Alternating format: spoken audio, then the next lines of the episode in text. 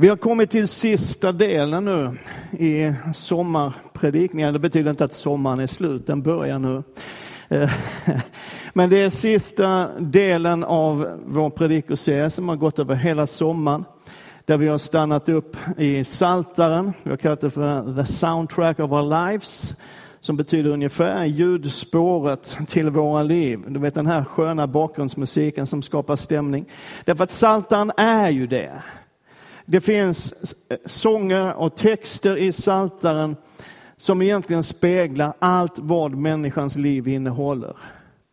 Från nästan hysterisk glädje och dans till djupaste sorg och allt mitt emellan. Till, till en, en klippfast tro på en Gud som alltid förmår. Till de djupaste tvivel där man undrar, finns Gud överhuvudtaget? Allt finns med i den här boken.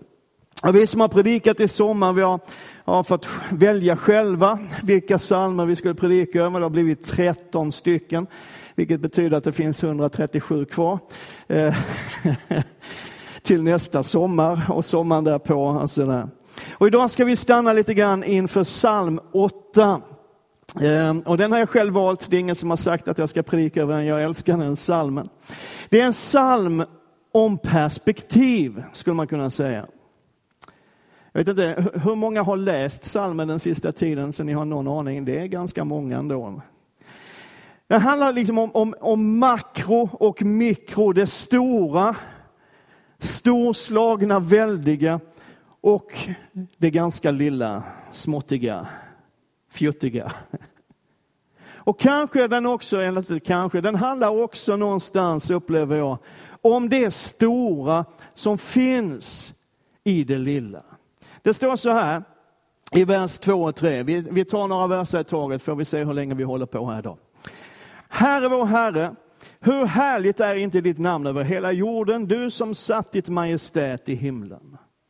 Av barns och spädbarns mun har du berett en makt för dina fienders skull, för att förgöra fiende och hämnare.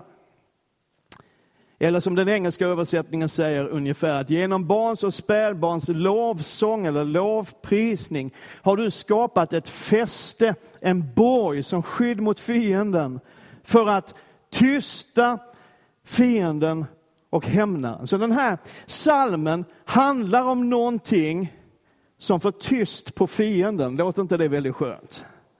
Eller hur? Har du känt det sådär riktigt liten någon gång?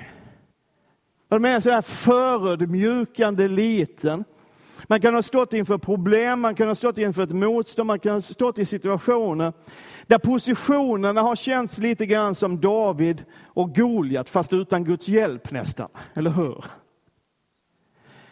Och ibland så kan man känna sig så här liten därför att man har gjort bort sig misslyckats så kapitalt med att vara den man vill vara. Och man har bara känt att jag duger inte, jag platsar inte. Det Fy vad kass man är. Det är bara jag som har känt så någon gång i livet. Eller är det någon mer? Du kan bara nicka lite grann, jag ser det på dig. Och du vet, Bibeln säger att det finns en fiende, eller en tjuv, som bara är ute efter att stjäla och slakta och döda, förgöra. Och det är ju ibland, om vi ska vara ärliga, som om den där fienden på något sätt tar sig in i våra tankar, in i våra sinnen, in i vårt känsloliv och matar oss med, med liksom ord som att du betyder ingenting. Du är kass, ingen bryr sig om dig, du är bara så misslyckad. Den här salmen, prisat vare Herrens namn, handlar om någonting som får tyst på den rösten från fienden. Amen. Vet, Jesus sa att tjuven, fienden, kommer för att stjäla, slakta och döda, men jag har kommit för att de ska ha liv och liv i överflöd. Det är det vi talar om idag. Amen. Men du vet, ibland tror jag att den här känslan av att vara liten kan vara nyttig. Och då menar jag inte den, det här liksom, det läget som vill trycka ner, som vill stjäla, slakta och förgöra. Utan den känslan av litenhet som kan fylla oss med ödmjukhet. För den känslan kan ge perspektiv. Den kan få oss att förstå saker som vi annars inte skulle fatta. Och David fortsätter sin psalm så här. När jag ser din himmel, dina fingrars verk, månen och stjärnorna som du har skapat, vad är då en människa? Att du tänker på henne, en människoson, att du tar hand om honom. Alltså vad är det David säger? Han säger att när jag anar vem Gud är, och så vet jag vem jag själv är. Ser du kombinationen där? Jag anar vem Gud är. Jag vet vem jag själv är. Så blir tanken, hur kan du ens bry dig Gud? Låt oss skaffa oss lite perspektiv. Hur många stjärnor finns det? Har inte gått i skolan? Det är nog, det är nog ingen som vet riktigt exakt. Men någonstans om man, om man läser lite på det här eller googlar lite snabbt, vilket jag har gjort, så räknar man med att det finns, lyssna nu, det finns, tror man, ungefär 100 miljarder galaxer. Och bara i vår galax, Vintergatan, finns det någonstans mellan 200 och 400 miljarder stjärnor. Många stjärnor blir det. Peter van Dockum, som är professor i astronomi vid Yale-universitetet, han menar, lyssna, det här, jag tycker det här är så fascinerande. Han menar att det i universum finns ungefär 100 miljarder gånger 100 miljarder gånger 30. Var han fick de 30 från vet jag inte. Men 100 miljarder gånger 100 miljarder gånger 30 stjärnor. Give and take a few. Ungefär så. Det blir ett tal som ser ut så här. 300 följt av 21 nollor. Vad talet, hur man uttalar talet vet jag inte. Men jag ska forska i det. Det blir rätt många stjärnor. Och bara som en ytterligare en liten mindblower så säger Bibeln så här att Gud bestämmer stjärnornas antal. Han nämner dem alla vid, vid namn. Hur coolt är inte det? Ljusets hastighet är 229 792 458 meter per sekund. Det kommer en skrivning på det här sen. Alltså ungefär 300 000 kilometer i timmen. Och det betyder att ljuset färdas ungefär 18 miljarder kilometer per minut. Det är fort. Det är fortare än min Peugeot. För solens ljus att träffa jorden tar ungefär åtta minuter. Det betyder att det ljuset färdas 144 miljarder kilometer. Men i förhållande till universums storhet så pratar vi då fortfarande om vår absoluta närmiljö. Det är ju granngården. 144 miljarder kilometer, vad är det i ett perspektiv? Ljuset färdas 9500 miljarder kilometer på ett år. Och för ljuset att korsa vår galax Vintergatan, alltså från ena änden till andra änden av vår galax, tar det 100 000 år. Och vår närmsta granngalax, Andromedagalaxen så tar ljuset därifrån 2,2 miljoner år att nå oss här på jorden. Så om du någon gång ser en ljusglimt från Andromeda-galaxen så får du tänka på den där har varit på väg i 2,2 miljoner år. Det är länge. Och grejen är att ingenting av det här visste ju David när han skrev salmen. Utan han skriver om den storhet och det fantastiska som han kan uppfatta med sina egna ögon. Och det räcker ju någonstans. Och kanske tänker David på den gången när Gud sa åt Abraham, för det gjorde Gud, sa åt Abraham, hörde Abraham, räkna stjärnorna. Och det är någonstans i det perspektivet, i universums storhet, som vittnar om en ännu större Gud. Du vet, om universum är så våldsamt stort och Gud har skapat det, så är han ju förstås någonstans ännu större, eller hur? Och det är i det perspektivet som David ändå ställer frågan, vad är en människa? Vem är jag? i allt detta. Eller som The Message uttrycker det, jag ser upp mot dina jättehimlar. Mörka och väldiga, månen och stjärnorna i natthimlens infattning. Sen ser jag mitt pytte-jag. Och undrar, varför bryr du dig om oss? Varför titta en andra gång åt vårt håll? Men här är en grej, att nästa passage, vers 6-9, ska strax läsa tillsammans, visar att Gud ser någonting annat än litenhet och obetydlighet hos människan. Det står så här. En liten tid lät du honom vara lägre än Gud. Med ära och härlighet krönte du honom. Du satte honom att härska över dina händers verk. Allt lade du under hans fötter. Alla får och oxar, liksom vildmarkens djur, himlens fåglar, havets fiskar, de som vandrar havens vägar. Det vill säga, jag anar vem Gud är och jag vet vem jag är och ändå säger ditt ord att du har krönt människan med ära och härlighet. Och jag vet inte hur det är med det, men jag kan lite grann nästan känna att man får ju knappt ihop det. Eller hur? Och den här dubbelheten, den store, väldige guden, makroperspektivet och den lilla, lilla människan i mikroperspektivet finns på så många ställen i Guds ord. Dyker upp gång på gång. Den fanns i psalm 91 som vi tittade på i början av sommaren. Där står den som sitter under den högstes, där har du det väldiga.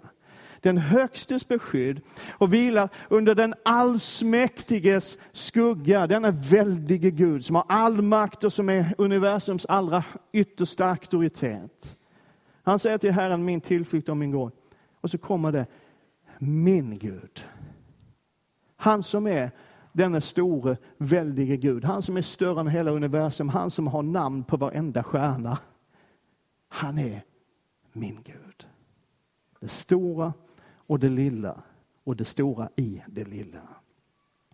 Vi läste nyss i psalm 147 att han bestämmer stjärnornas antal. Han nämner dem alla vid namn. Men titta på de verser som omger den versen, vers 3 och 5. Han helar de som har förkrossade hjärtan och förbinder deras sår. Han bestämmer stjärnornas antal, nämner dem alla vid namn. Stor är vår Herre och väldig kraft. Hans förstånd är utan gräns. Och det ser ju någonstans ut som att Guds storhet och väldighet hör ihop med människans litenhet, utsatthet och behov av hjälp. Psalmisten kopplar ihop det. Och att det någonstans i det förhållandet att Gud är stor och vi behöver honom finns en vishet utan gräns. Gud själv säger så här i Jesaja 57.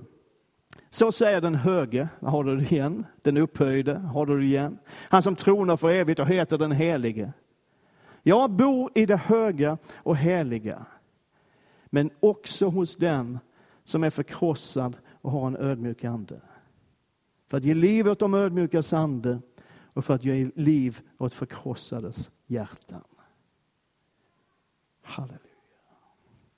Sa Jesus, tjuven kommer för att skära, slakta och förgöra. Jag har kommit för att de ska ha liv i överflöd. Det här avsnittet, psalm 8, vers 6 och, och några verser framåt, anses av ganska många teologer höra till de mest svåröversatta som finns i skriften. Och det är ju kul, då reder vi ut åt dem, eller hur? Nej, men det märks därför att det finns en ganska stor variation mellan olika översättningar, inte minst här i den, i den sjätte versen. Folkbibeln säger att Gud gjorde människan lägre än Gud. Eller hur? Och vi kommer tillbaka till det som står först där, en liten tid. Va? En liten tid lät du honom vara lägre än Gud. Med ära och härlighet krönte du honom. Vi kommer tillbaka till det alldeles strax. Men att människan är lägre än Gud, det behöver man, det är ju inte rocket science. Det fattar vem som helst. Gud är större än ditt förstånd, det fattar alla du. Eller hur? Så det vet vi. Men NIV, den engelska översättningen som vi oftast använder här, den säger att han, Gud gjorde oss lite lägre än änglarna. I den gamla svenska översättningen från 1917 står det att, att Gud gjorde honom nästan till ett gudaväsen. Och i Bibel 2000 som en del använder så nästan till en gud. Och i den finska översättningen, jag talar ju flytande finska som ni alla vet, så står det nästan till en gudomlig varelse. Rauha. Och det här tror jag inte är avsett att understryka människans litenhet, utan tvärtom så visar den på den ställning som människan fick i skapelsen. Att Gud satte människan över hela skapelsen, att råda över den och att vårda över den. Gud gav en auktoritet till människan. Men vi vet också, åtminstone du som har läst din bibel och har varit med ett tag, vet att människan genom synden, genom att välja sin egen väg, genom att välja bort Gud, också förlorade den positionen.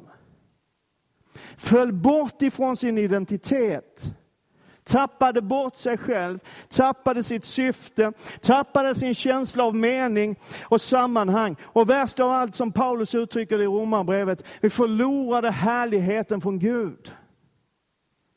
Och det är det perspektivet som de verkliga djupen i den här salmen kommer fram. Och det är också det perspektivet som gör Svenska folkbibeln 2015 års översättning någorlunda begriplig. Där det står för en liten tid lägre än Gud. Vi människor kommer väl alltid att vara lägre än Gud. Eller hur? Hur många håller med om det? Ja, alla. Vad bra. Men Charles Spurgeon, som, eh, som jag älskar högt, och som ALT-studenterna inte får använda som referens för han hade inte tillräckligt många akademiska poäng.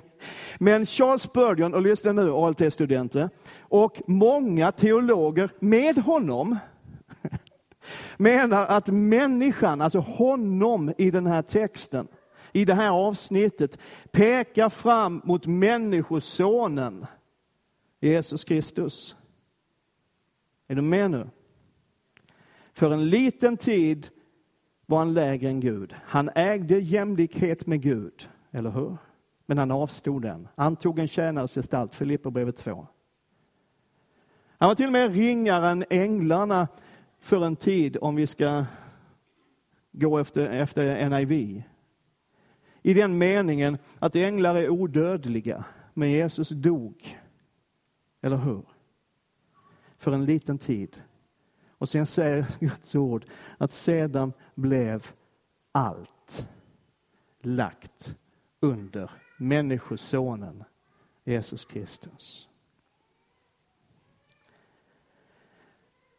Och vad betyder då det? Varför är det väsentligt? Jo, det är väsentligt därför att Paulus skriver, som jag nyss citerade, i Filipperbrevets andra kapitel, om hur Jesus var lydig in till döden på ett kors, avstod allt för att dö på ett kors. Och därför har Gud upphöjt honom över allt och gett honom det namn som är över alla andra namn. Och I Romarbrevet 5 skriver Paulus så här. Och nu hoppar jag mellan några verser för att spara lite tid. Är det okej? Okay? Därför är det så, genom en enda människa kom synden in i världen och genom synden döden. På så sätt nådde döden alla människor eftersom alla hade syndat. Där går någonting förlorat genom människans fall. Vers 15. Men syndafallet kan inte jämföras med nåden. För om de många dog genom en endas fall så har, Gud, så har Guds nåd och gåva så mycket mer överflödat till de många genom en enda människas nåd, Jesu Kristi nåd. Och vers 18, alltså liksom en endas fall ledde till fördömelse för alla människor, så har en endas rättfärdighet lett till ett frikännande, till liv för alla människor. I och genom Jesus upprättas den som tror till det han eller hon är skapad för, en gemenskap med den Gud som har namn på alla stjärnorna. Vi sa att psalm 8 handlar om någonting som får tyst på fienden. Kolosserbrevet 2. Ni var döda genom era överträdelser och er oomskurna natur. Men också er har han gjort levande med Kristus. Han har förlåtit alla överträdelser och utplånat skuldebrevet som vittnade mot oss med sina krav. Det tog han bort genom att spika fast det på korset. Han avväpnade härskarna och makterna och gjorde dem till allmänt åtlöje. Eller som det står i den engelska översättningen, till ett offentligt spektakel gjorde han dem. När han triumferade över dem på korset. Han fick tyst på fienden. Prisat vare Herrens namn. Och det är inte så konstigt att David slutar sin psalm, men nu står det fel här längst upp, men det gör ju ingenting. Herre vår Herre, hur härligt är inte ditt namn över hela jorden? Psalm 8 handlar om det stora och det lilla. Det har ett budskap som tystar fiendens röst. Det talar om en väldig Gud, en allsmäktig Gud, en Gud med total kontroll över hela universum. Men det är inte en Gud som är långt borta, en Gud som inte bryr sig, utan om en Gud som gav allt för att föra dig och mig tillbaka till det han skapade oss för. Och här är grejen, här är själva applikationen. Att hur det än är i ditt liv just nu, så vill jag bara utifrån den här salmen påminna dig om att vi har en stor Gud. Hur det än är i ditt liv just nu, vad du än kämpar med, vad det än är som, som ser ut som ett stort mörkt moln på din himmel, vad det än är som har rest sig upp som ett berg, som ett jättehinder i ditt liv, så påminner dig om, vi har en stor Gud. En Gud som gör trasigt till helt. En Gud som förlåter och upprättar. Och allt har blivit lagt under Människosonen Jesus Kristus. Och i honom, i honom finns allt du behöver.